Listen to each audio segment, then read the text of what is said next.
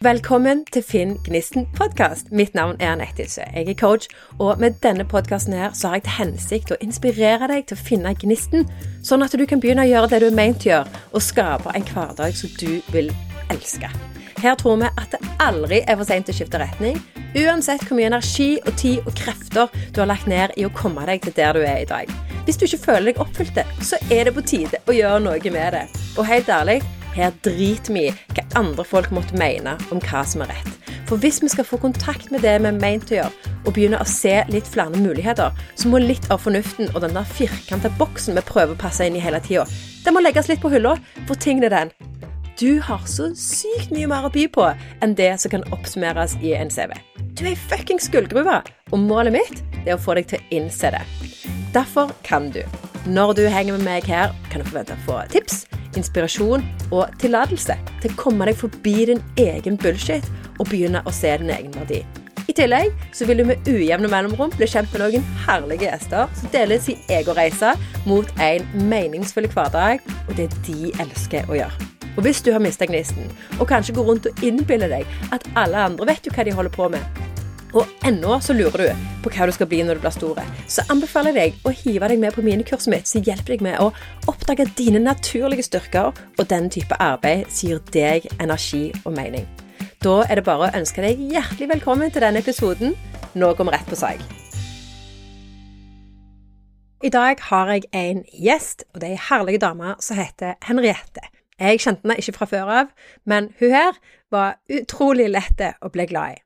Henriette hun er en tidligere lærer på videregående, og i 2021 så sa hun opp den trygge jobben som lærer for å satse på sitt eget selskap. Og Der hjelper hun da skoleforeldre til å stå støtt, og til å hjelpe ungen eller ungdommen sin som opplever skolen som krevende. I tillegg så holder hun og lager kurs for andre, blant annet mestringskurs for ungdom på videregående skole. Og det er ikke bare spennende det Henriette holder på med. For meg så traff hennes tema og den nisja som hun jobber med, den traff virkelig spikeren på hodet. For det er ikke bare bare å være skoleforeldre og klare å støtte ungene på en god og trygg måte. Og her har virkelig Henriette ekspertise. Men i tillegg til et viktig tema, så skal vi òg snakke om Henriette, og hvordan hennes gnisttyper, eller sparketypes på engelsk, eh, kommer fram gjennom det hun gjør. Og For at du skal få et bakteppe for samtalen, så skal jeg kjapt introdusere Sparketype-profilen til Henriette. Henriette har advisor som primærtype. Og så har hun Sage, eller vismann på norsk, som skyggetype, og The Essentialist som antitype. Primærtypen det er din sterkeste impuls til å anstrenge deg for å gjøre noe uten noen annen grunn til enn at det gir deg energi og glede, og at det, når du gjør det, så føler du at du lever. Dette er på en måte en slags underliggende driver, og det som gir deg òg den mest effektive og klareste tilgangen til flyt og entusiasme, mening og hensikt, og en opplevelse av at du gjør noe som du er meint til å gjøre. For advisoren, som er Henriette sin primærtype, så er arbeid som coaching, rådgivning, mentor og veiledning det som fyller deg med energi og glede. Advisoren er en person som skaper dype forhold med andre, enten det er gjennom å jobbe med andre én til én eller i grupper. Denne typen er knallgode på å skape tillit og hjelpe andre til å tro på seg sjøl og skape tryggheten som er nødvendige for å guide noen gjennom en prosess eller mot et ønsket resultat. Og hvis du er advisor, så er det sånn at det, uansett hvem du jobber med, så er de, de du jobber med, sitt resultat, blir òg da ditt resultat. Og så har vi da skyggetypen.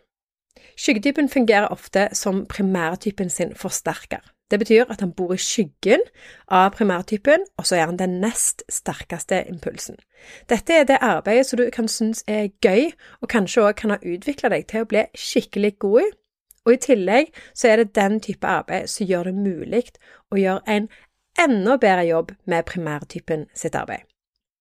Og ofte har en da gjennom arbeidet sitt hatt mer kontakt med skyggetypen enn primærtypen sin. Henriette sin skyggetype, da, er The Sage. Eh, vismannen, som jeg nevnte innledningsvis. Og er du en sage, så gir det deg en enorm tilfredsstillelse og energi å etterlate andre med en dypere innsikt.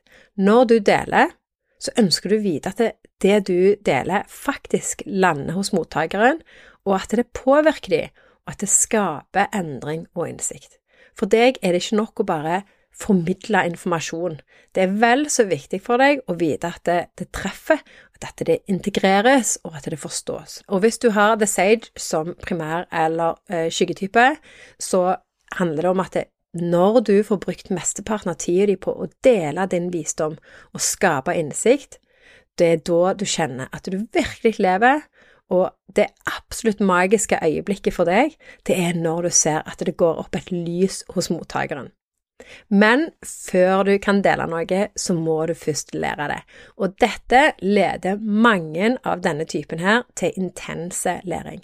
Når du er sage, så handler det ikke bare om nysgjerrighet eller fascinasjon. Det er, nesten alltid noe sånn større på gang.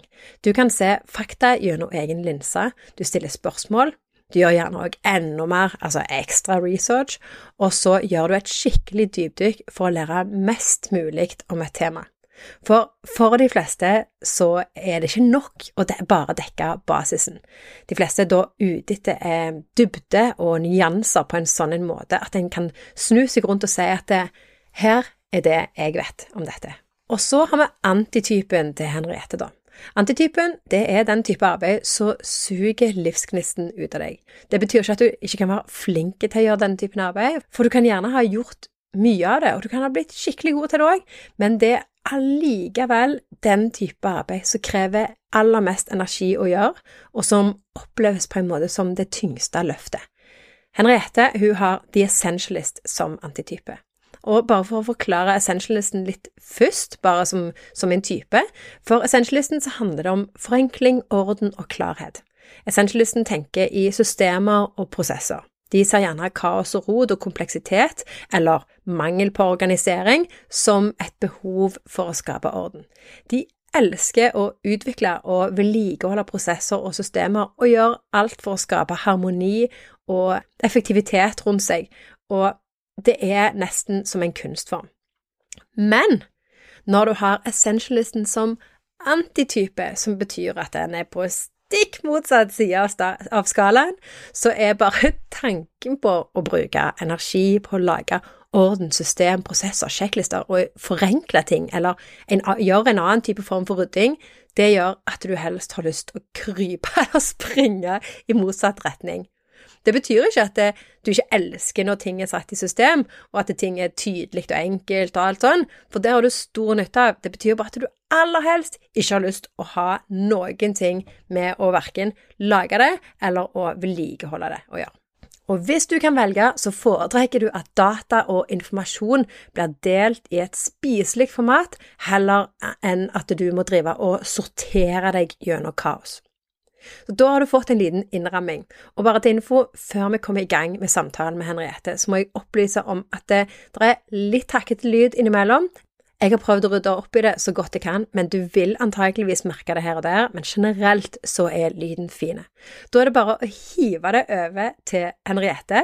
Så Henriette, kan ikke du ta en liten intro av deg sjøl? Ja, det skal jeg gjøre. Jeg heter Henriette Westgård Flåte. Jeg bor i Sarpsborg, og det er også der jeg er eh, født og oppvokst. Men jeg hadde ja, ni-ti år utafor byen. Bodde i Bergen og en liten stund i England sånn i studenttiden. Eh, bor her sammen med mannen min, og så har jeg to døtre på snart åtte og snart 13 år. Ja, og så har jeg vært lærer i veldig, veldig mange år. Jeg har jobba på videregående skole i eh, ja, i ti år. Og for ett år siden så sa jeg opp eh, trygg jobb i fylkeskommunen og bestemte meg for å starte for meg sjøl, rett og slett. Eh, og det da med erfaringsbakgrunn fra skolen, for jeg har tatt litt videreutdanning i psykisk helse, livsmestring for barn og ungdom, og holdt en del mestringskurs og tatt noen sertifiseringer der. Så nå jobber jeg heltid med mitt eget firma, hvor jeg delvis eh, på en måte er innleid som kursholder og jobber med sånne ting. Og så har jeg også en online eh, ved siden av, hvor jeg retter meg direkte mot foreldre, da, eller skoleforeldre. Og primært dem som har barn eller ungdom som har utførende forhold til skolen sin, rett og slett. Mm. Så det er det jeg gjør, sånn eh, ja, i kort fortalt. Nydelig. Tusen takk. Det er veldig fint når folk kan introdusere seg sjøl, syns jeg, for da slipper jeg òg å gå i sånne fallgruver. Eh, det er helt fantastisk. Og så det jeg lurte på, da, i forhold til det som du gjør, hva er, hva er, hva er problem du prøver å løse gjennom det? Jo, altså hvis vi tar det litt sånn tilbake, så for noen år siden så uh, var jeg på den siden av bordet selv, som mamma. Uh, jeg hadde, eller jeg har min eldste datter, hun, når hun begynte på skolen, så lå alt til rette for at det skulle gå kjempefint. Veldig sånn superfornøyd og nysgjerrig og klar. Men så ble det en veldig, veldig fæl start på skolen. det var to veldig tunge år, som gjorde at jeg fikk en sånn erfaring som jeg ble Det kom veldig blums på meg. Eh, både jeg og mannen min var på det tidspunktet lærere. Hadde tenkt at skole, det, det skal gå fint, ikke sant. Og så, og, så var, og så, var, det så utrolig tungt. Det var eh, mange ting som Vi kan sikkert komme tilbake til noe av det seinere, men det var i hvert fall eh, Vi så at dette her, hvis ikke vi gjør noe, så kan det utvikle seg til skolevegring, eller det som nå kalles for ufrivillig skolefravær, fordi det var et ønske om å ikke gå på skolen. Da. Mm. Og dette er nå fem-seks år siden, og jeg hadde jo ikke sittet her og holdt på med dette hvis ikke det hadde gått bra, for det har gått veldig bra. Eh, men den erfaringen, når vi sto midt oppi det, så tenkte jeg at dette, dette vil jeg bruke til noe en gang. Jeg har lyst til å hjelpe andre foreldre, for det var følte man føler seg så ensom da, når man kommer i en sånn situasjon. Og så føler man hva er det vi har gjort gærent, eller hva er det som har skjedd, eller hvorfor er det sånn. Så tenkte jeg at dette vil jeg gjøre noe med. Så i åra etterpå så gjorde jeg en del ting som å videreutdanne meg litt, og gjøre litt forskjellige ting som bygde opp under, og fordypa meg også litt i dette her med alle de forskjellige årsakene da, til at noen rett og slett ikke klarer å gå på skolen, kommer til det punktet. Så jeg tok med meg den erfaringen og erfaringen min som lærer. Eh, jeg følte plutselig at jeg hadde møtt meg selv i døra også, fordi selv om ikke jeg hadde stått i den, den situasjonen som lærer, så var det sånn Oi, skolen jeg hadde så tiltro til, den mista jeg helt tilliten til. Eh, hvordan kan jeg samle trådene og bruke den erfaringen for å hjelpe andre? Så det var på en måte, og Derfor så, så ønsker jeg å hjelpe foreldre som egentlig først og fremst er i den der situasjonen hvor du bare ikke helt skjønner hva som skjer. Eh, hvor skal jeg begynne, hva er det som skjer med barnet mitt? Eh, liksom, hva er viktig og ikke viktig nå. Eh, så det er kanskje spesielt eh, dem som er i den startfasen, og for foreldre som er bekymra, sånn, ønsker å forebygge det, rett og slett. Fordi tallet er så store da, på barn og ungdom som ikke har det bra på skolen. Eh, og da tenker jeg jo tidligere man kan få ha bevissthet rundt det, jo lettere er det å få gjort noe med. Og derfor er det liksom, særlig i den fasa da, som jeg ønsker å, å hjelpe til med. Det er, det er, jo ferskt at jeg jobber på denne måten, men som lærer så har jeg vært eh, i lignende situasjoner på den, på den, andre siden av bordet da, før. Mm. Ja, du sitter jo med en ganske unik erfaring, da, tenker jeg, både som mor, eh, tidligere lærer, du kjenner systemet på en måte, eh, og at du på en måte har, har liksom den backingen med, med, det du kan, og det du har lært deg, tillært deg òg etterpå. Uh, jeg, jeg, dette sånn som jeg sa til deg òg når jeg inviterte deg, så når jeg var inne på Instagram-profilen din, så var jo dette ganske Det var et tema som lå hjertet nært, for å si det sånn. Uh, for vi har jo òg uh, Jeg tenker at de fleste foreldre gjerne på et eller annet tidspunkt kjenner litt på den. At hva faen jeg gjør jeg nå? Sant? Hva, hvordan skal jeg gripe dette an? Hva, hva, vei skal jeg gå? Skal jeg gå til skolen? Skal jeg eh, snakke med andre foreldre? Liksom, du blir litt sånn rådvill, da. Og da er det jo fantastisk å ha noen som det faktisk går an å kontakte for noe sånt. Ja, absolutt. Og det var litt den følelsen, fordi det er så sårbart. Og det merker jeg også når jeg skal henvende meg til den gruppen på Instagram f.eks. Så tenker jeg ofte på å prøve å liksom se for meg eh, meg sjøl for noen år siden, fordi du føler deg så sårbar. Og det er så, det er så veldig mange ulike situasjoner. Og det er ikke nødvendigvis at man identifiserer seg med de andre historiene man hører, for det er så veldig forskjellig, og alderen er jo også veldig forskjellig.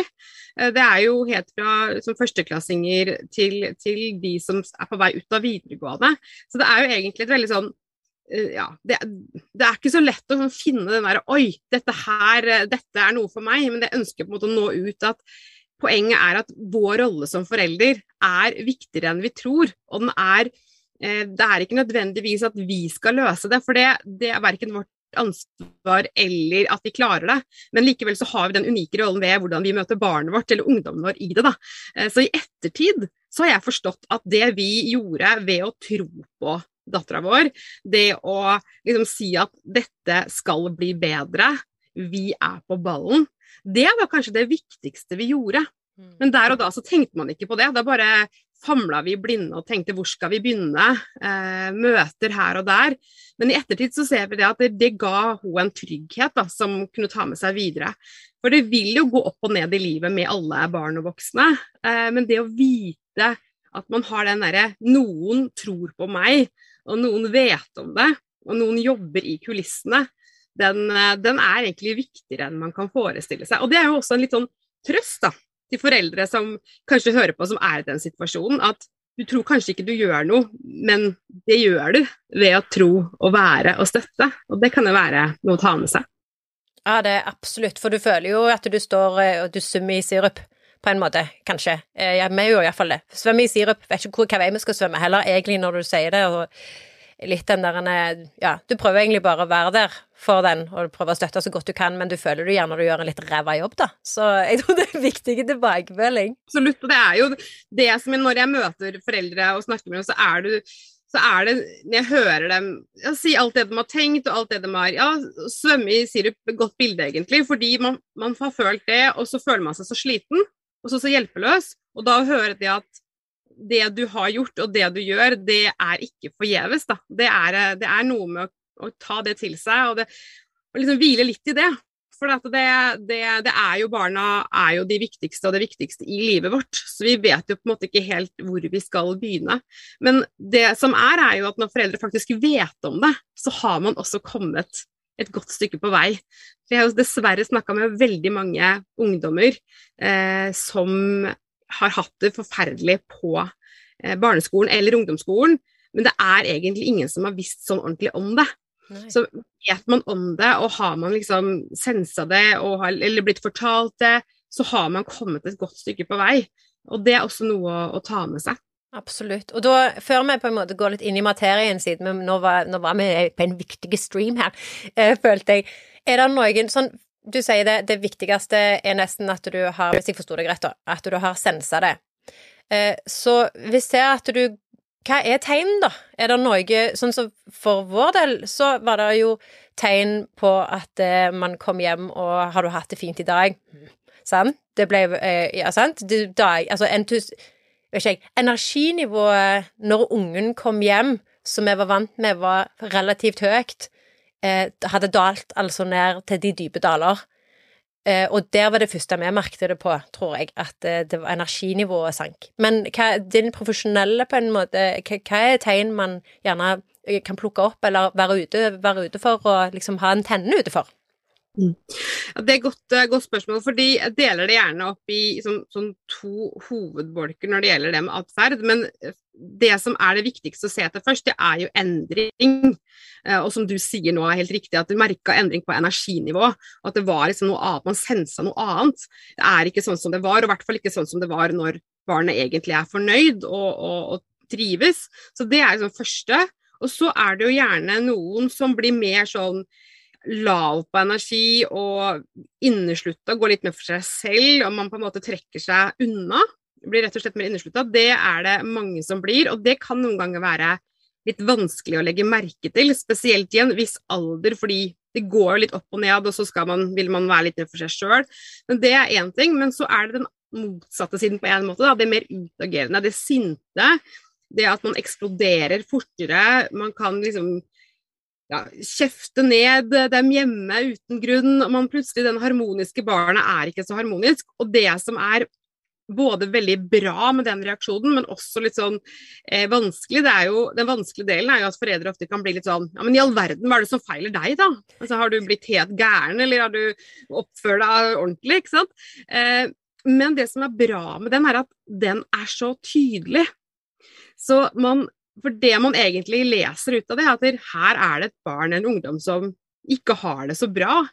Og, og det er på en måte Og noen barn eh, så er det nok litt bevisst. Dette er min måte å si at jeg ikke har det bra. Men for andre så, så veit de det ikke helt sjøl heller. Men det kommer ut hjemme, for de har gått og, og kjent på noen hel dag på skolen, og så eksploderer det hjemme. Så det er på en måte den høylytte måten å si fra på. Men da er det bare viktig at dem som får det med seg, de tar det ikke som dårlig oppførsel, men som eh, et språk, da, rett og slett. Så endringer i atferden. Mm. Jeg har et spørsmål til det, og det kan godt hende du har flere punkter. Men der lurer jeg litt, for det er min erfaring òg med å ha snakket med andre foreldre, og det er at eh, man kan gjerne si, spesielt i denne 12-13-14-årsalderen, ja, men det er bare puberteten. Ja, det er bare, men det er bare en sånn Det er hormoner. Det er bare hormoner. Nei, sant, hun har vært litt sånn i det siste. Og så kan du på en måte pakke det inn i en, i en sånn en unnskyldning. For det kunne vi fort gjort akkurat i den alderen der. Kunne vi fort ha pakka det inn i det. Eh, og jeg er veldig glad for at vi ikke gjorde det. Ja, og det tenker jeg er så bra at ikke dere gjorde. Fordi eh, det er klart at det er mye hormoner, det er annet reaksjonsmønster til vanlig også. Men likevel så er det noe med å Fordi det er jo dessverre veldig mange som ser tilbake på ungdomsskolen som en vanskelig tid. Ikke bare pga. puberteten, men også fordi at det skjer veldig mye i det sosiale spillet, da. Eh, og mange da som får en sånn overgang. Derfor er det mange som er bekymra for den overgangen. Eh, det hører jeg mye om nå og det er litt interessant, for jeg er jo den sjøl. Jeg skal få en ungdomsskolejente til, til, høsten. Og det, man merker jo at det er endringer, men det er klart at vær likevel liksom nysgjerrig på endringene. fordi Endringer er der hele tiden, det, og det trenger ikke å være alvorlig. Og, det er noe av sånt som ikke er noe quick fix, men vi må øve oss på å liksom Når er det vi skal gripe inn? Og når er det det skal gå til av seg selv? ikke sant? For den er, Vi skal jo ikke springe etter og løse opp i alle konflikter når de er 12-13-14 år. Uh, men vi må på en måte se, hvis det er noe som er over tid, da, hvis det er en sånn tydelig retning, at man blir mer og mer inneslutta, mindre og mindre sosial, eller mer og mer sint og mer og mer utagerende, følge den tråden. Og kanskje ikke bare spørre direkte 'hvorfor er du sint', eller Hvorfor er det Fordi det klarer de sjelden å svare på. Eh, men å være litt med på veien, da. Å være nysgjerrig på hva som skjer på skolen. Eh, for det kan jo noen ganger være at eh, man har mista kontakt med venner, f.eks. For, eksempel. for det skjer så innmari mye akkurat der. De endrer seg og ja. Man kan jo bli litt mørkredd av det sjøl som foreldre og tenke på egentlig hvor mye spill som skjer, og de som de skal gjennom, da. Mm. Absolutt. Men jeg er veldig glad at du tar det opp. Hadde du noen flere sånne eh, eh ting som du gjerne kunne sette fingeren på eller ha antennen ute for før vi går videre? Ja, det kan, altså jeg hører, snakker jo gjerne med, med, med foreldre som, hvor, hvor barna f.eks. kan ha veldig eh, Plutselig bli veldig sint på lekser, eller bli, plutselig bli veldig slitne når de kommer hjem, eller plutselig bare være inne i gamingverden, eller bare være med, som gjør sånne ting som, som blir litt enspora, og det kan noen bli bekymra av. Og i seg selv så er ikke det så veldig verken rart eller bekymringsverdig, fordi eh, noen barn er jo ganske sånn sensitive for inntrykk, og man blir sliten, altså man er reelt sliten. da. Man trenger å hvile, man trenger å slappe av, man trenger den søvnen man kan få, altså alle disse tingene. Men likevel, det å være nysgjerrig inn i det også, og det med lekser er jo noe sånn gjentagende. Og der pleier jeg å bruke det også at jeg kommer fra skolen sjøl. For jeg er jo en tidligere lærer som ikke er fan av lekser. Og jeg syns at det er helt greit at foreldre kan, kan si, Hvis det er et problem, da. Fordi at noen har liksom, At det blir et problem, både i sammenligning med andre, det at man er sliten, det kan rett og slett gjøre at noen mistrives med på skolen pga. lekser. Vær snar med å ta den enkle praten. Fordi en, en lærer sjelden i vår tid tenker at nei, sånn skal det være. Men det å få til en avtale, gjøre halvparten, gjøre For det er en del sånne kjepphester som var større før, som i dag det er større fleksibilitet på, heldigvis. Så det å på en måte ta de små tinga som kan lette.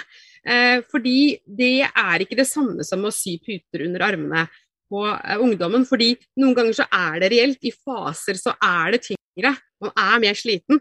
Og så kan det bli bedre igjen. Men det er vel der man må være på, da. Om det er sånne små justeringer som holder, eller om det er noe mer alvorlig. Eh, og da er det jo den derre utviklinga man må følge med på. og så tar jo det litt lengre tid hvis man har et barn som ikke snakker. Men noen, noen, er veldig åpne, andre er veldig lukka. Så noen ganger må vi være mer lirkete eh, enn med andre. Mm. Jeg er så glad for du sier det med lekser, da. Det er jo en stadig ting. Eh, og, og, bare det der det, Jeg tror det handler litt om, i alle fall for oss foreldre, da, jeg tenker spesifikt fra, fra meg sjøl, det å ha tillatelsen, nærmest, til å ta den praten. Når det kan skape så mye frustrasjon og eh, sinne og tanker om at jeg ikke er god nok. Liksom, for det kan komme med de leksene. Bare sånn Men jeg er ikke god i matte. Jeg får det ikke til. Jeg, sant? Sånne ting. Og så begynner du allerede å male de bildene av hva jeg kan og ikke kan, og at jeg ikke er god nok. Blablabla. Alt det der jækla gnålet som foregår oppi hodene våre. At det å få lov til å gjerne ta den praten og få tillatelse til å snakke med noen som faktisk kan gjerne gjøre det lettere, at det ikke er så rigid lenger. Jeg tror det er et viktig poeng faktisk å få fram. Absolutt. Og apropos det med prestasjon og stress og sånn, så er jo dette her med karakterer som også kommer inn i ungdomsskolen, som jeg også har eh, mye, mye jeg tenker om. Men det her med å også ha hjemmet som en mestringsarena på det man faktisk mestrer, det er jeg veldig fan av. Og det kan også forebygge eh, dårlig forhold til skolen, faktisk. Fordi hvis man får lov til å gjøre ting hjemme som man er god på, og dyrke det fordi før vet du, så var det jo sånn at er du dårlig i matte, da skal du gjøre dobbelt så mye matte. ikke sant? Da skal du øve deg ekstra. Ja, det er skikkelig ålreit. Da føler man seg bare dobbelt så dum. ikke sant? Ja. Så, så stedet for det at har man et barn eller ungdom som er flink til å være glad i å lage mat da, eller bake, eh, liksom gjøre ting og på en måte bygge opp under mestring. Fordi jo mer mestring man føler generelt, jo lettere er det å takle der man ikke fikser det. Så jeg er jo med på det at hvis noen har, føler seg skikkelig dårlig i matte eller engelsk eller lesing eller hva det måtte være, så skal man selvfølgelig gjøre det som vanlig, men man skal gjøre enda mer av det som får opp eh, selvtilliten. For da er det lettere å gå i gang med det som er vanskelig. Så det, det er jeg så veldig opptatt av. Det var, veld, det var musikk i ørene mine. Jeg hørte bare nesten symfoni. det, det, er så nydelig. Jeg føler det tar oss litt sånn videre da, til deg, sant? Eh, for det at du har jo bakgrunn som lærer, og hvis vi da ser på din eh, Sparktype-profil, så har jo du da den Sagen, som er litt sånn typisk læreren, som skyggetype. Eh, så, nå, så da lurer jeg Altså, jeg skjønner jo at du har litt eh, At det var litt sånn personlig erfaring og sånne ting. Men du etterlot deg jo egentlig noe som gjerne tilsynelatende var den perfekte fitten. Jeg vet ikke. Hva liksom Den, den overgangen her, hvordan kjennes den ut?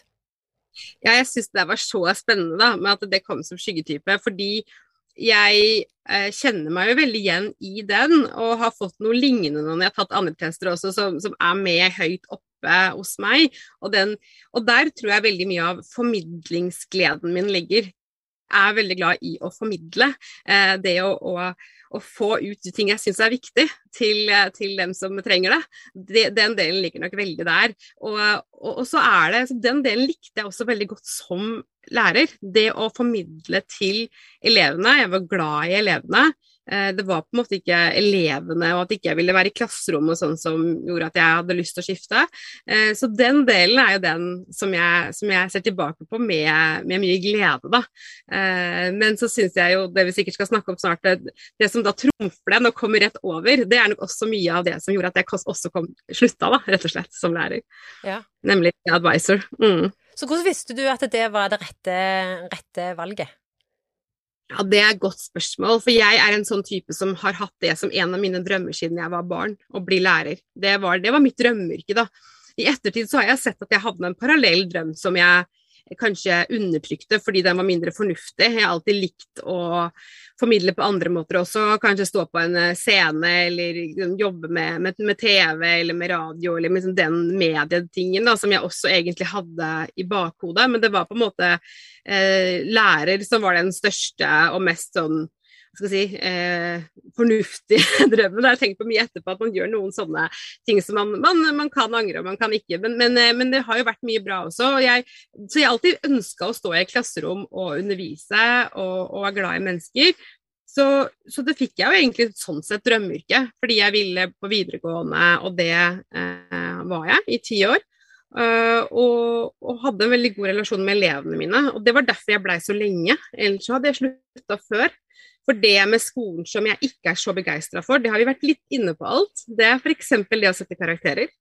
Uh, det å føle seg som uh, en, en, en, drømmeknuser, samtidig som jeg har lyst til å bevare den integriteten på å gi riktige karakterer. For når de første har det systemet, så må vi jo forholde oss til det. Eh, men likevel så vet jeg at elevene tar det fryktelig personlig, eh, og at de legger veldig mye av sitt verd i det eh, tallet på et papir. Og det, det syns jeg var veldig, veldig strevsomt. For jeg, sant, du kjenner dem så godt. Du er liksom coachen og omsorgspersonen og liksom rådgiveren og alt det der. Og så er du bødderen og dommeren til slutt. Og den, den spagaten der, ja, den syns jeg var, eh, var, eh, krevende, rett og slett. Altså. Så, så, det var én del av det. Og så er det jo eh, Jeg er ikke så veldig glad i sånn eh, møter for møters skyld, og jeg er veldig utålmodig på sånne type ting. Eh, det er litt mer sånn papir, byråkrati så Det syns jeg er veldig veldig stusslig. Så, så, det er jo også en del av det yrket, da. og så har jeg funnet ut med åra at jeg er, selv om jeg er sosial, så er jeg introvert. Det betyr at jeg blir veldig sliten av å være med masse folk hele tiden. Og lærer med åpent kontorlandskap er med folk, mange folk, absolutt hele tiden. Så jeg orka ikke å være sosial uh, utafor det. Så det er liksom flere ting, da. Uh, men det er vel de viktigste. Ja, 100 mm. Det høres jo ut som det på en måte har krevd Selv om det har hatt sine eh, lyspunkter og gleder, så har det på en måte eh, slukt Det har vært litt en energisluk òg, sant? At det, det, du gjerne får inn, det drainer ut på undersida i, i, form av hva form det har tatt, kanskje. Så hvordan Absolutt. er formen Nå, er jeg bare litt sånn nysgjerrig, nå du twister meg litt en annen vei, men den formen som du har nå, da, kontra dette med åpen kontorlandskap og det i forhold til dette du egentlig er introvert, Eh, hvordan, hvordan, har du lagt deg opp nå, da, for liksom, at du skal få styrken i det istedenfor at du skal draines, da? Ja.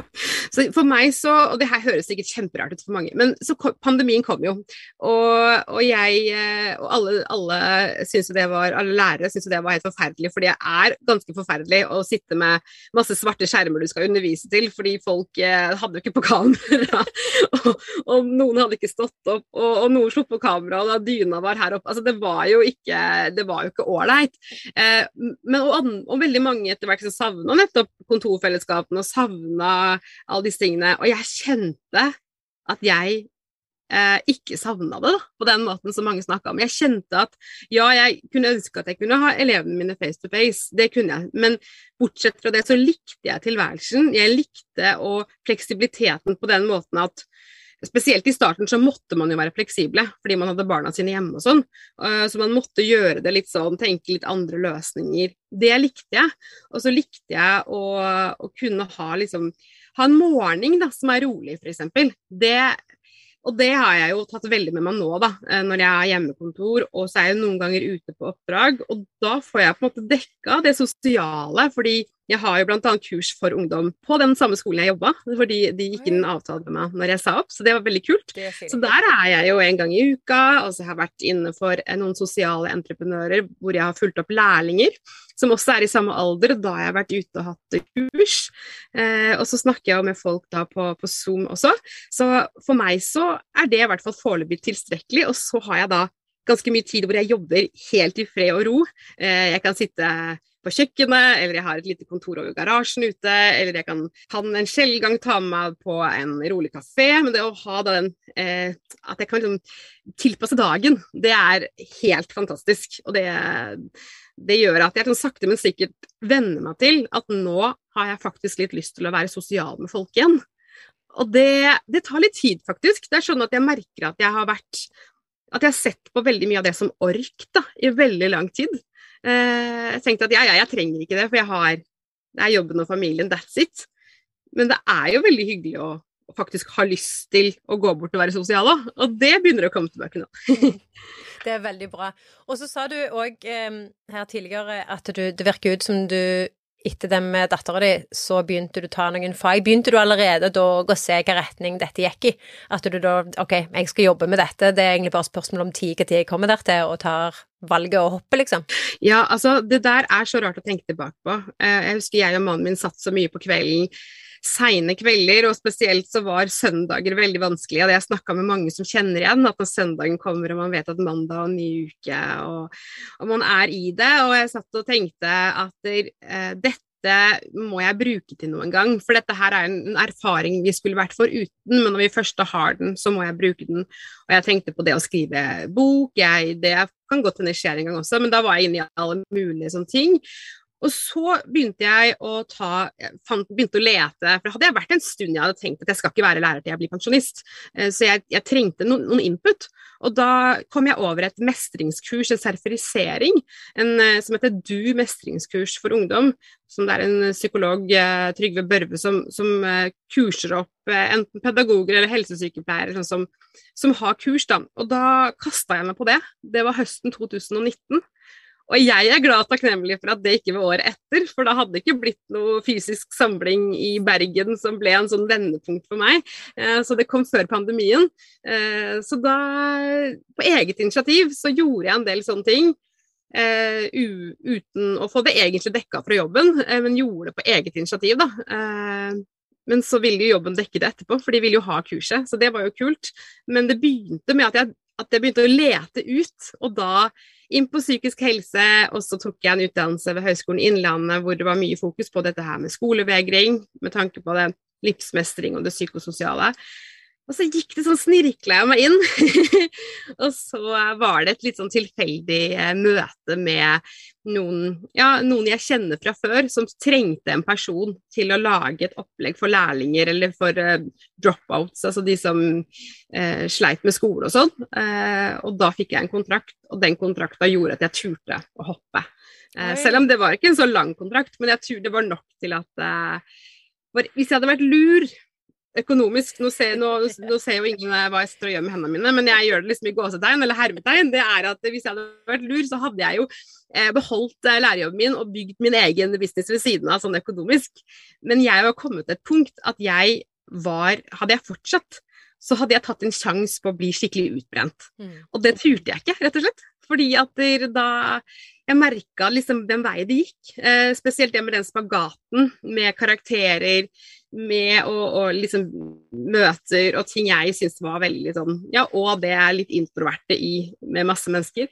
Så da tok jeg sjansen, og så eh, må jeg heller leve litt med sånn spenninger i sånne faser når kontrakter kommer og går og sånn. Men, eh, men det har gått veldig bra, og jeg tror du skal gjøre det videre, altså. Må bare ha litt is i magen.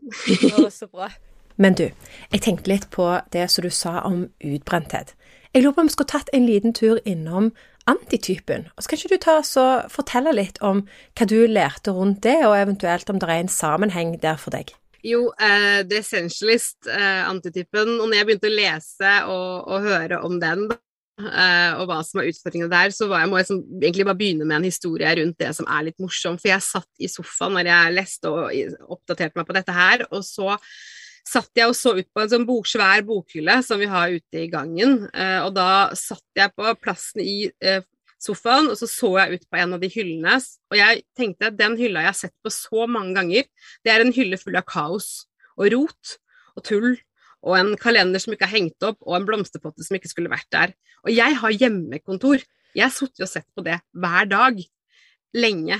Og jeg tenkte når jeg så på det, jeg ser en annen vei, og så fortsatte jeg da å lese om The Essentialist, som da er egentlig den som eh, vi skal skape sant, eh, ja, fra rot og kaos til orden og, og, og sånne ting. Og jeg forsto jo at dette her er jo helt riktig. Jeg mister all energi bare å tenke på sånn den type organisering, da. Den type dette her med å Uh, jeg syns det er kjempefint at ting er organisert, og jeg ser verdien av det, men for meg, da, å sette i gang med en sånn type ting, som andre bare kanskje gjør helt automatisk, jeg syns det var så deilig at det skulle falle på plass, og at det er en Sånn er jeg. sånn er jeg faktisk. Jeg kjente meg veldig, veldig igjen. Og det er jo sånne ting som har krasja noen ganger på jobb som lærer òg. For det er, jeg tror det er en del som eh, er lærere, og som er i det systemet, som ikke har det som antitype, men tvert imot. da.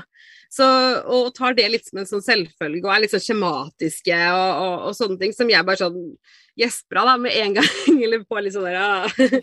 Så ja, så det, det var veldig, veldig artig å se, og det ga veldig mening. For jeg jeg trenger Altså, jeg fungerer ganske godt selv om jeg er opptatt av at ting skal være tydelig ut til folk, altså gjennom eh, eh med, med, med, skyggetypen min, da, så er jeg veldig opptatt av formidlinga. Den skal være klar og god, og de skal forstå det. Men alt som skjer i forgrunnen, og som har med meg å gjøre, så, så, så er det mer for dem. Men, men for meg så, så, kan det godt være litt sånn Ja, det, jeg har på en måte oversikt, selv om ikke jeg har den helt organiseringa, da. det løye du sier det, for jeg følte jo med, med antitypen at det, det ga meg en tillatelse til å tenke at ja, den type oppgaver det, altså det, Ja, jeg hører du sier at det er nyttig å være jækla god på å presentere og, og like å stå i sånne ting som det, men det gjør vondt. Sant? Det krever så mye. Det krever liksom massevis av energi og drive for å faktisk gjøre. Ja, ja, og derfor kom jeg på det. Fordi, for nå, nå, gjelder det veldig mye, da, men for meg så, så, tenkte jeg også når jeg leste om dette, handler jo også en del om det å f.eks. ha et ha et organisert og ryddig hus, og så kan man jo bruke det på, da. Og jeg det, der, og det er jo litt sånn, selv om jeg er veldig sånn opptatt av at altså jeg har veldig lave skuldre på rot og sånn, men samtidig så kjenner man jo på en sånn skamfølelse hvis det er for rotete. det er forventninger. Uh, og da, fordi jeg husker før jeg var lærer, så var, hadde jeg en periode hvor jeg jobba 80% og hadde én dag i uka hjemme. hvor jeg, Både for å slappe av litt og for å liksom komme meg litt over på, og, og, gjøre litt andre ting.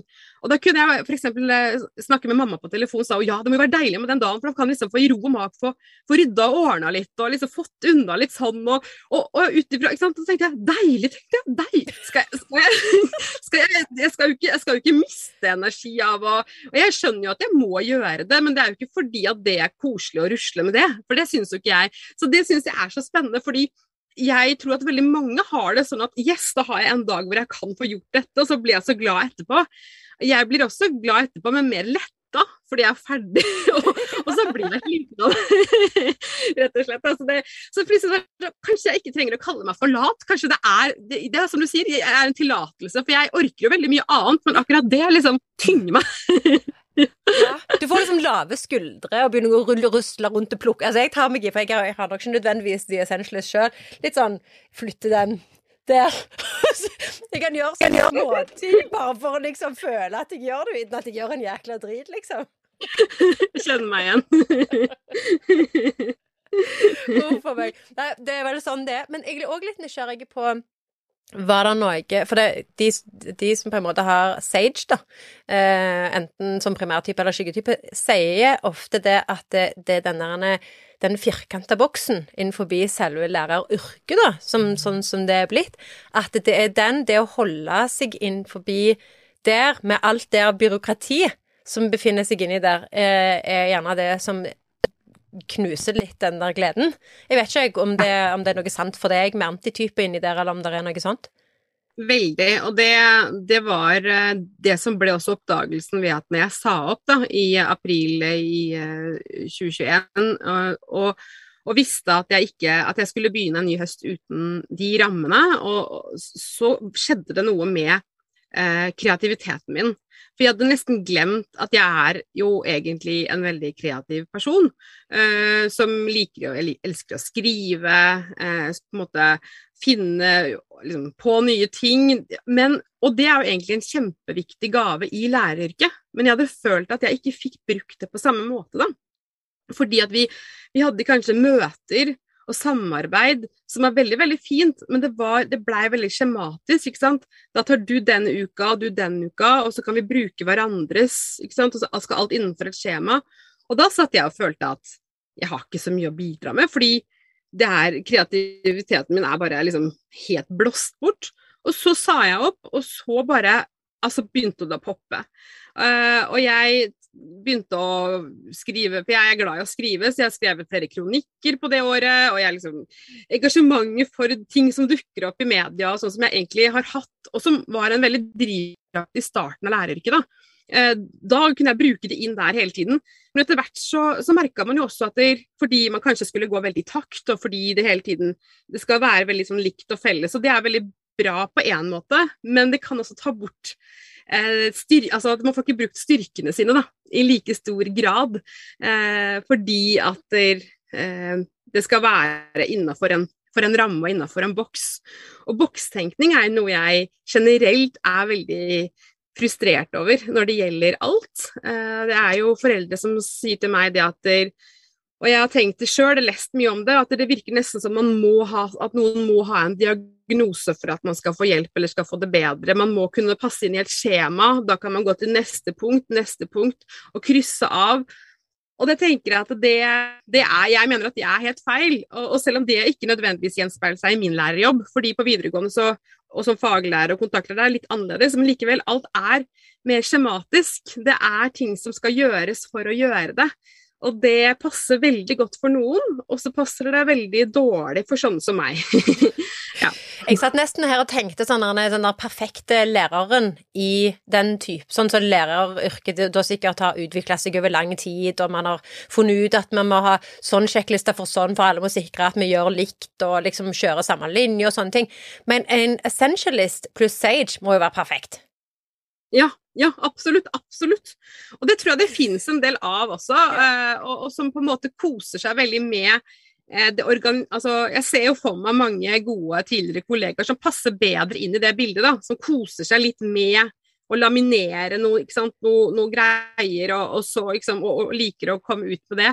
Men mens jeg Altså, jeg var ganske god på eh, selve formidlinga i klasserommet. Jeg var veldig god på tilstedeværelsen og ta ting eh, på direkten.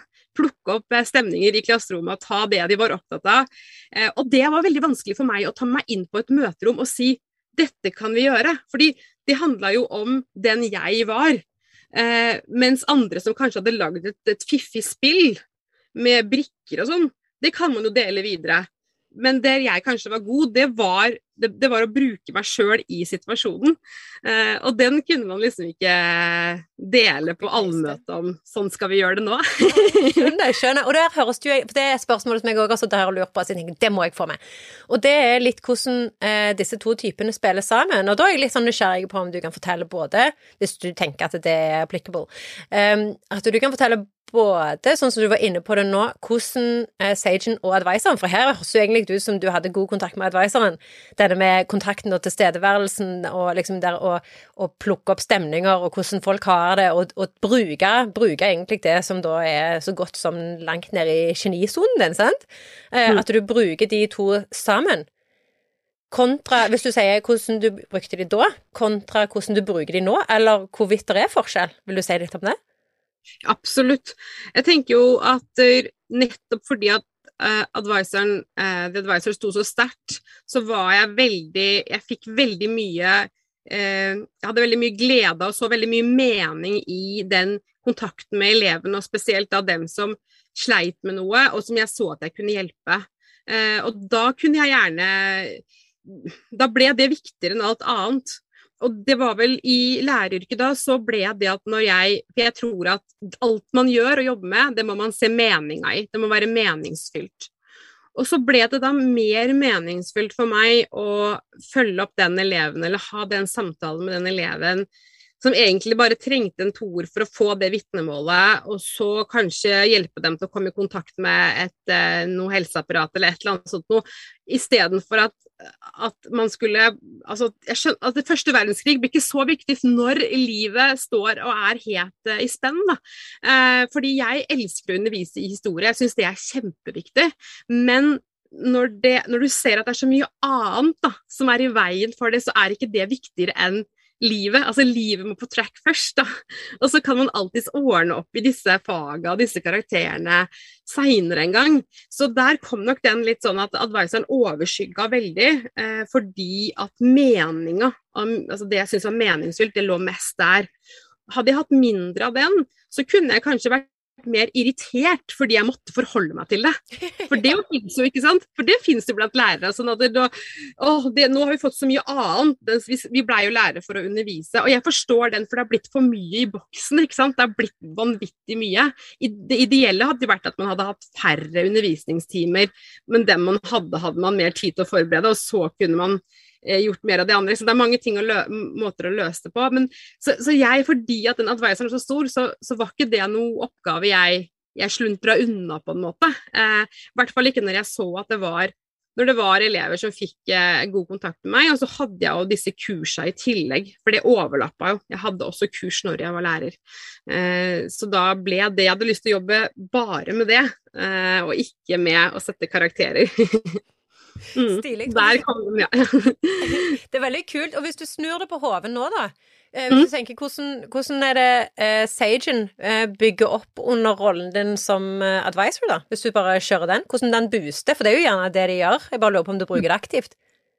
Absolutt. Jeg eh, har akkurat lagd et, jeg har et, et online-kurs som heter Trygge skoleforeldre, som på en måte handler om det vi har snakka om nå, veldig mye både når det gjelder forebyggende og hvordan man kan, eh, kan eh, ja, ruste seg sjøl som foreldre til å være, være den støtta til barnet og ungdommen sin. Og i den type arbeid så bruker jeg jo eh, formidlinga og den lærertypen eh, veldig aktivt. Og et, også på kursa som jeg har. Men jeg, er, jeg merker at jeg syns det er veldig fint også å kunne bruke det inn i eh, én-til-én uten å være For det, er veldig stor forskjell på å formidle og det å være belærende. Jeg har aldri likt aldri ønska å være en lærer som er ovenfra og ned. Jeg liker veldig godt å bruke Jeg er veldig opptatt av inkluderende språk, da, f.eks. Så når jeg hadde lærlinger som kanskje hadde utfordringer på lærlingplassen sin, så var jeg veldig opptatt av å hele tiden snakke vi. For det er jo vi mennesker som står i utfordringer. Det er ikke dere der borte, og så er det jeg som sitter med fasiten. Så det at jeg bruker nok den delen av læreren eh, og blander den mer inn da, med adviseren eller med rådgiveren. Fordi da tror jeg også man lettere tar det til seg, når man er liksom på samme, samme nivå, da. Eh, og det, det, liker jeg veldig godt. Men som lærer så kan du jo ikke det, fordi du har jo Det er jo viktig at du Det er jo du som kan mer om de enkelte faga. Og det er jo du som setter karakterene eller lager prøvene. Så der er man jo uansett på et annet sted.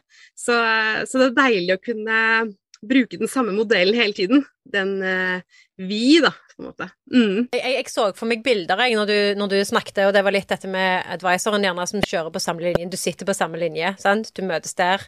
Mens eh, Sagen på en måte, i, spesielt i lærerrollen og med karakterene, så er du på en måte et, et hode høyere og må spille den rollen, da som gjerne da blir litt ubehagelig hvis du, du egentlig er på samme linje og ønsker å være der. Og, og liksom jeg vet ikke, Handler det om å sette seg på kne hvis det er et lite barn? sant? Det å gå på samme høyden med den andre være på, da. Det var veldig spennende. Og så var du òg inne på eh, dette med lærerrollen og dette med at det har blitt så mye i boksen. Så jeg er litt sånn nysgjerrig på det, for det, det, og det, er ikke ment som et ledende spørsmål, men bare tenker hva dine tanker er rundt det. For jeg vet hva jeg tenker. Men hvordan ville det sett ut hvis det at alle faktisk fikk gjøre mer av det de faktisk var gode på? Sant? At du fikk dyrke mer. At du fikk dyrka det å sette deg ned sammen med noen og ta den praten, og fremdeles få lov til å formidle. Eh, så, og så kunne de som likte å lage systemer, kunne få lov til å styre med det til, til hjertens lyst, så lenge du ikke driver og overstyrer andre. Altså, det å bruke styrkene sine og faktisk få lov til å, å dyrke de litt. Hvordan tror du er en perfekt verden? Hva tenker du? Ja, det er jo helt musikk i mine ører. Og jeg eh, har jo egentlig også en liten drøm om å Jeg driver og liksom på siden og lager og tenker at jeg har lyst til å ha, ha så mange ideer til foredrag for lærere. Fordi jeg tror at vi vi er i en situasjon hvor vi kan miste ekstremt mange gode lærere, og vi er i ferd med å gjøre det allerede. Enten til utbrenthet eller til eh, andre yrker, rett og slett. Eh, og det er kjempetrist for alle barna og ungdommene som, eh, som skal inn i skolen. Så, akkurat det du sier, det er en av de eh, løsningene jeg tror det er å kunne holde på eh, et bredt spekter av forskjellige typer gode lærere. At man kan få lov til å bruke styrkene sine i enda større grad. For jeg tror Hvis man spør en skoleleder i dag, så vil alle si at man kan få det i dag også. Men likevel så er det det er blitt veldig mye målstyring. Eh, og da er det ofte at man ser at hvis noe funker, så skal man gjøre det likt alle sammen. Da. I hvert fall til en viss grad. Så jeg tror at hvis man kunne ha brukt eh, Satt seg ned, da. Det, det, krever selvfølgelig mye tid, men i en perfekt verden. Satt seg ned og, og liksom, at folk kunne få komme med 'dette er jeg god på, derfor ble jeg lærer'. Eh, og da kan man også få en reality check, da. Mm. Fordi nå er det jo ganske mange krefter som mener det at den undervisningsformen skal ut. Uh, og da blir jeg alltid litt sånn sur, fordi ja, men undervisning er jo ikke undervisning. Ikke det kommer an på hvordan man gjør det. For noen er jo skikkelig, skikkelig gode og skikkelig rå på det. og få med seg elevene og liksom nesten se på det som man står på en scene. Eh, mens andre er jo ikke så gode på det, og liker det ikke heller. Eh, og da blir det ikke nødvendigvis like bra. Så det å tenke at der, ved at man kan få gjøre mer av det man er god på, da vil det jo bli bedre for alle. Og så tror jeg at barn og ungdom har godt av å forholde seg til forskjellige typer voksne folk. Så man kan godt ha helt ulike metoder. og å, mikse det mer inn, men kanskje ha en mer bevissthet rundt det. da. Eh, det er ikke enten så skal vi gå i takt, eller så er det kaos. Man kan også ha en, en, eh, en bevissthet rundt det at man kan få dyrke sine styrker og, og, og, og, og kanskje, få, kanskje, bytte litt på. Kanskje man kunne liksom lagt opp helt annerledes.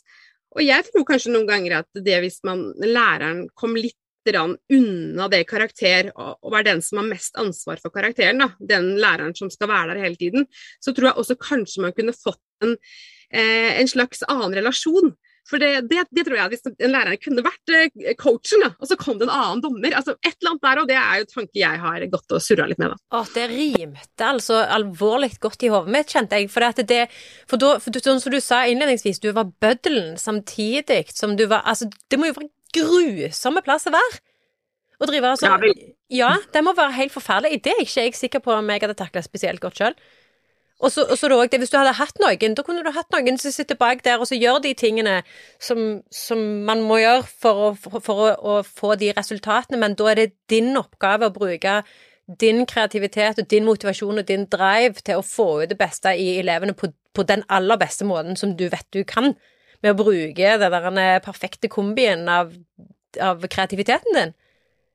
ja, jeg, jeg tror også Ja, og, dessverre så er vi nok i vei, vei, feil, altså akkurat motsatt retning av akkurat det. Eh, det som skjer nå på, på mye på videregående, er jo at eh, man skal, man skal, Læreren skal være veldig tett på og nesten gi karakterer eh, ikke bare formelt lenger heller, at man går rundt og hører på plukker opp og setter karakterer med på bakgrunn av det. Og, du, og, og, jeg ser poenget, fordi at man på en måte er der i det autentiske og sånne ting. Men du kommer ikke unna er noe mer relasjon. For du har elever som sitter med kalkulatoren og vet hvilke fag man må ha de karakterene i. Mm. Eh, så det gjør noe med hele dynamikken når den personen som du skal kanskje betro deg til fordi det er tøft hjemme, skal inn og på en måte bestemme om du kommer inn på Veterinærhøgskolen eller ikke. Da. Så, så, så den er, og den vet er veldig krevende for mange lærere. Eh, fordi man skal sette standpunkt, så, så er det veldig, veldig vanskelig. Mm. Og her kommer det en liten avbrytelse.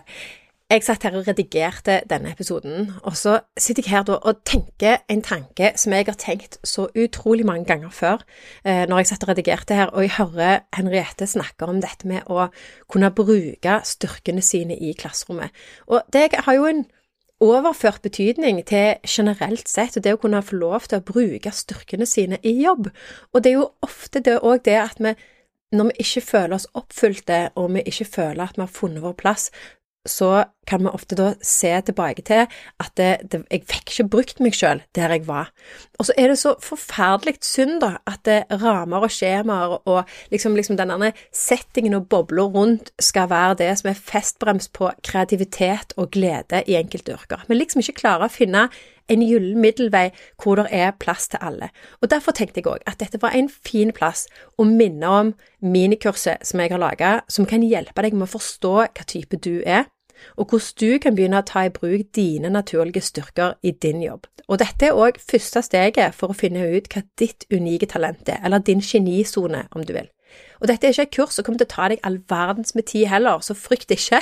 Dette er kun en liten formiddag, så kan garantere deg at du har fått deg noen aha-opplevelser, i tillegg til å ha fått en unik innsikt i dine naturlige styrker, og hvordan du kan begynne å ta dem i bruk. For vi må begynne å lage plass til alle, men av og til, tror jeg, må vi òg lage plass til oss sjøl, og bli bevisste det unike i oss og begynne å spille på det, istedenfor å sitte og vente på at noen skal komme og gi oss plass eller tillatelse. For hvis vi skal sitte og vente på at andre skal oppdage hvor geniale vi er, så kommer vi til å råtne på rot før vi kommer så langt. Sin egen lykkes smed er det noe som heter, og når du har innsikt i dine naturlige styrker, da kan dette virkelig få uttelling for både deg sjøl og de du jobber for, og ikke minst for din egen lykke og din egen opplevelse av det å føle deg oppfylte på jobb. Minikurset det finner du link til i beskrivelsen av denne episoden, eller du kan gå direkte til anetteidsoe.no, og så finner du det der. Og husk at du må skrive Anette rett, altså Anette med to n-er og to t-er. Eh, jeg beklager alle Anette-medsøstre for dette. Eh, det er ingen som klarer å skrive navnet mitt rett, så lucky you. Men uansett, der finner du altså link til minikurset, og så hiver du deg på det, og så får du dypdykk i dypdykt i det som er unikt, og det som er dine naturlige styrker, sånn at du kan begynne å ta det i bruk. For det er ikke alltid det krever at du må starte helt på nytt, sånn som både meg og Henriette har gjort. Av og til så er det bare små justeringer som skal til i hverdagen. Så da er vi tilbake igjen til Henriette. Henriette vet ikke at hun har vært på pause. så Henriette, kan ikke du fortelle litt mer om drivkraften bak det å hive seg utpå og faktisk bytte beite? Jeg sa jo opp jobben min eh, akkurat nesten samtidig som jeg fylte 40 år. Eh, og det har jeg tenkt veldig mye på. Eh, liksom Tulla mye med er det var det en 40-årskrise. Er det tilfeldig at man kanskje kommer dit og begynner å tenke annerledes om ting akkurat eh, på det tidspunktet i livet? Eh, og det, for det er egentlig noe som, eh, som Apropos drivkraft og de tinga der, da. For meg, når jeg ser tilbake på egentlig helt siden jeg var student, så har det hvis ting har begynt å butte eller vært litt sånn kjent at det er noe som ikke er som det skal være, så har det vært utrolig viktig for meg å gjøre ganske store endringer. Eh, og det har jeg på en måte gjort veldig sånn instinktivt da, på egen hånd. Og det tror jeg var det som gjorde også at jeg tok det derre store steget for et år siden Eh, akkurat når jeg fylte 40 og, og under pandemien, så var folk bare Ja ja, du sier opp jobben din nå. og likevel ikke følte det. Jeg følte ikke det skummelt, eller jeg følte det mer skummelt å bli, da. Så det tror jeg på en måte har vært en sånn drivkraft at jeg har, jeg har liksom drevet, Det som har drevet meg framover, er at noen ganger har det vært for skumlere å bli der jeg var. Eh, og vi flytta, og dattera vår bytta skole etter to fæle år. Fordi vi her, her, her, er det kjørt. Her er det lost. Eh, og så tok vi da ganske stor beslutning om skolebytte, og etter hvert også flytta vi. Og det å ha sett at man på en måte Det å gjøre litt store endringer er egentlig ikke så skummelt hvis man tenker på alternativet. For noen ganger så virker det så stort for noen å bare ja, åh, flytte slutte, eller si opp jobben, eller Ja, men hvordan vet vi at det hadde vært eh, mindre skummelt og blitt værende? Eh, så den, den syns jeg er litt eh, spennende å løfte fram. Da. Og jeg ser at jeg har hatt et mønster der, og det er kanskje det som er grunnen også til at jeg valgte å gå for det her, da, som jeg syns var så viktig.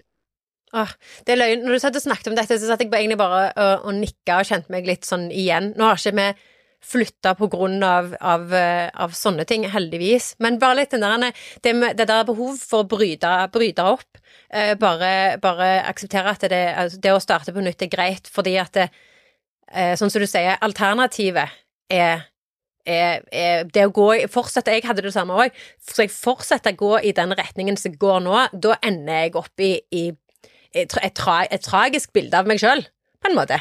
Akkurat som jeg ikke klarte å altså, identifisere meg med at det var greit i det hele tatt. Selv om jeg hadde fin jobb, fine kollegaer, ingenting å klage på. Nei, det, det, er så sant. For jeg også var så redd for å plutselig være på et sted hvor jeg enten var langtidsutbrent og bare kom meg ikke tilbake, eller at jeg blei bitter. Ja, jeg var kjemperedd for bitter. Vårt, jeg òg. ja, og tenk hvis jeg blir en bitter lærer, da kan du tenke deg å være. Å, jeg kjemperedd for. Og, og, jeg tenkte at, og, og når jeg begynte etter hvert å se litt sånn at jeg begynte å kjenne at jeg irriterte meg på folk som gjorde annerledes og gøye ting, da begynte det å gå en sånn varsellampe. Og jeg ble liksom litt irritert når jeg hørte om Ja, nå, nå, nå, nå begynner jeg å bli Nå, nå kjenner jeg at jeg liksom kjenner på en slags sjalusi. Ja. Um, og det ble nesten sånn vendepunkt en gang jeg hørte på det. Ja, det var mange vendepunkt, men jeg satt eh, og hørte på Hver gang vi møtes på TV 2. Ja. Hvor det var eh, hun nydelige Sol Heilo som, fra Katzenjammer, artist, som tok, tror jeg hun tok til orde, for hun var så takknemlig. De satt der og var artister. Og så har jeg lyst til å ta en skål for de som gjør at vi får lov til å holde på med det vi elsker. At vi kan underholde, at vi kan gjøre og leve ut drømmen vår tar en skål for lærerne. og, for, og, så tenkte jeg men jeg vil ikke, jeg vil ikke være den der som, som, jeg, jeg, vil jo også leve min drøm. Jeg vil ikke være den som bare Så det, det var en fantastisk fin gest og bare herlig og sånn, men det var litt sånn ja men, ja, men ja, men jeg vil også sant, videre, da. Eh, ikke bare være den som på en måte no, dem som tar de tyngste oppgavene, og skåler vi for dem. fordi jeg mener at lærer er så viktig, en så viktig jobb. Men men det man må kjenne at det er fortsatt like stor mening i det. Og det begynte jo jeg å miste, fordi meningen ble viktigere på andre ting enn det som var hovedoppdraget mitt. Eh, og, og det, det, er derfor jeg er så redd for at flere skal komme dit. da. At flere skal komme dit når de hører at det er sykepleier som får applaus eller lærere som får skål, så er det sånn Hvis det er flere som begynner å reagere som meg, så er det veldig dumt for Skole-Norge. Så derfor så håper jeg at, eh, at det blir en eller annen trend som snur, da, eh, rett og slett. Ja, mm. absolutt. Det, det, må det, må vi, jo bare virkelig håpe på. Jeg bare, jeg bare ser jo eh, liksom på de på lærere som jeg har i, i, min krets, så har jeg tenkt noen ganger at fy fader, du, du, du skal håndtere mye, du. Det, det er bare, du, du, er ikke bare på jobb for å undervise, du skal håndtere oss. eh, og ungene og deres eh, velbefinnende og sørge for at ditten og datten og alle skal ivaretas, alle skal ses og alle skal ditten og alle skal datten. Og hvis du da hadde heller eh, gjerne outsourca noe av det arbeidet til, til fag, fagfolk rundt som på en måte mer var en slags sånn støtte, støttekontakter til læreren, så læreren kan få lov til å skinne og gjøre det de skal gjøre. Så det er akkurat som det var noe som hadde rimt litt bedre da. Da hadde vi gjerne følt gjerne også mer tiltro til både skolen og læreren, for da vet vi at det, kompetansen sitter på rett plass. Ja, du har så rett i det. Og jeg tenker på det, for nå har jeg, jeg døtre som har eh, veldig fine lærere rundt seg, begge to. Jeg har jo kjent på det motsatte før, eh, så det, man setter så veldig, veldig stor pris på det. Og jeg er så jeg kommer til å grine så fælt når hun eldste går ut nå, fordi at hun har hatt en sånn fantastisk kontaktlærer som da hun kom til da etter hvert. Og, og, og, det har så mye å si, men jeg ser jo også hvor mye de jobber, og hvor mye det koster. Og, og på en måte og, virkelig brenner for dette her. Så jeg tror at det er veien, en av veiene å gå, er det du sier. Det å ha flere inn flere folk, og gjerne med ulik kompetanse. Eh, med barnevernspedagoger eller vernepleiere, og barne ungdom, flere barne- og ungdomsarbeidere. Ja, flere folk, ja. ja. Veiledere. Altså flere folk. Det, og spesielt på barne- og ungdomsskolen så er det få eh, det er én helsesykepleier kanskje noen ganger i uka på kjempemange elever. Og det er for lite, eh, for da rekker du ikke å bli kjent med alle. Det går jo ikke. Nei. Nei men, men, da er vi enige om, om at uh, vi må ha litt forandring i skolen. Ja. da er det godt at vi kan begynne her med det. Ja, absolutt. men uh, vet du hva, det har, det, det har vært uh, skamkjekt å, å, ha deg med. Jeg har lært mye, og jeg håper virkelig at, at de som hører denne episoden her, at eh, du får folk som faktisk Foreldre eh, og andre som tar kontakt med deg, sånn at du, du kan være, være, den støtten. For eh, det, det er sårt, sånn som du sier, når du står oppi det, og at nå kan du gjøre det du er meint for å gjøre. Og så ja. kan vi andre stole på at vi kom til rett plass, tenker jeg. Ja, Det er veldig hyggelig å høre at du sier det. og Jeg syns det har vært så fint å være og snakke om disse tingene sammen der. fordi dette her det, det, det, det er jo dette jeg har lyst til å snakke om. ikke sant? Det er brenner som for det. Og vet at det er så mange foreldre som er, føler seg ensomme akkurat nå. Fordi man vil, man, ikke vil man være til bry, kanskje. Ikke vil man, kanskje man har prøvd å lufte det med noen fra familien eller noen venner som ikke forstår det. Ikke det er så sårbart. da. Og det å kunne blitt, eh, liksom, få, få tømt seg litt, få bli lytta til, og kanskje få noen vink på veien hva som er viktig å fokusere på, hva man faktisk kan blåse litt i, ikke sant? For det er litt godt å kjenne det òg, at alt er ikke like viktig. Eh, man kan også ta, og ikke minst da verdien på å ta vare på seg sjøl når man kan. Fordi det er Det blåser eh, når man står der som et ja, jeg pleier ofte å bruke dette her med å, eh, et anker også. Det er også et bilde når det stormer på sjøen og du er ankeret til, eh, til, et barn eller en ungdom, så, så, koster det, da. Og da trenger det ankeret også litt eh, pleie og omsorg. Så det er noe å huske på det. Der fikk jeg frysninger. det der ankeret på sjøen. Nei, det, den, eh, den satt, Henriette.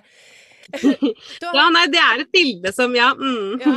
Kan ikke du ta en avslutte med å runde av? Hvor kan folk finne deg?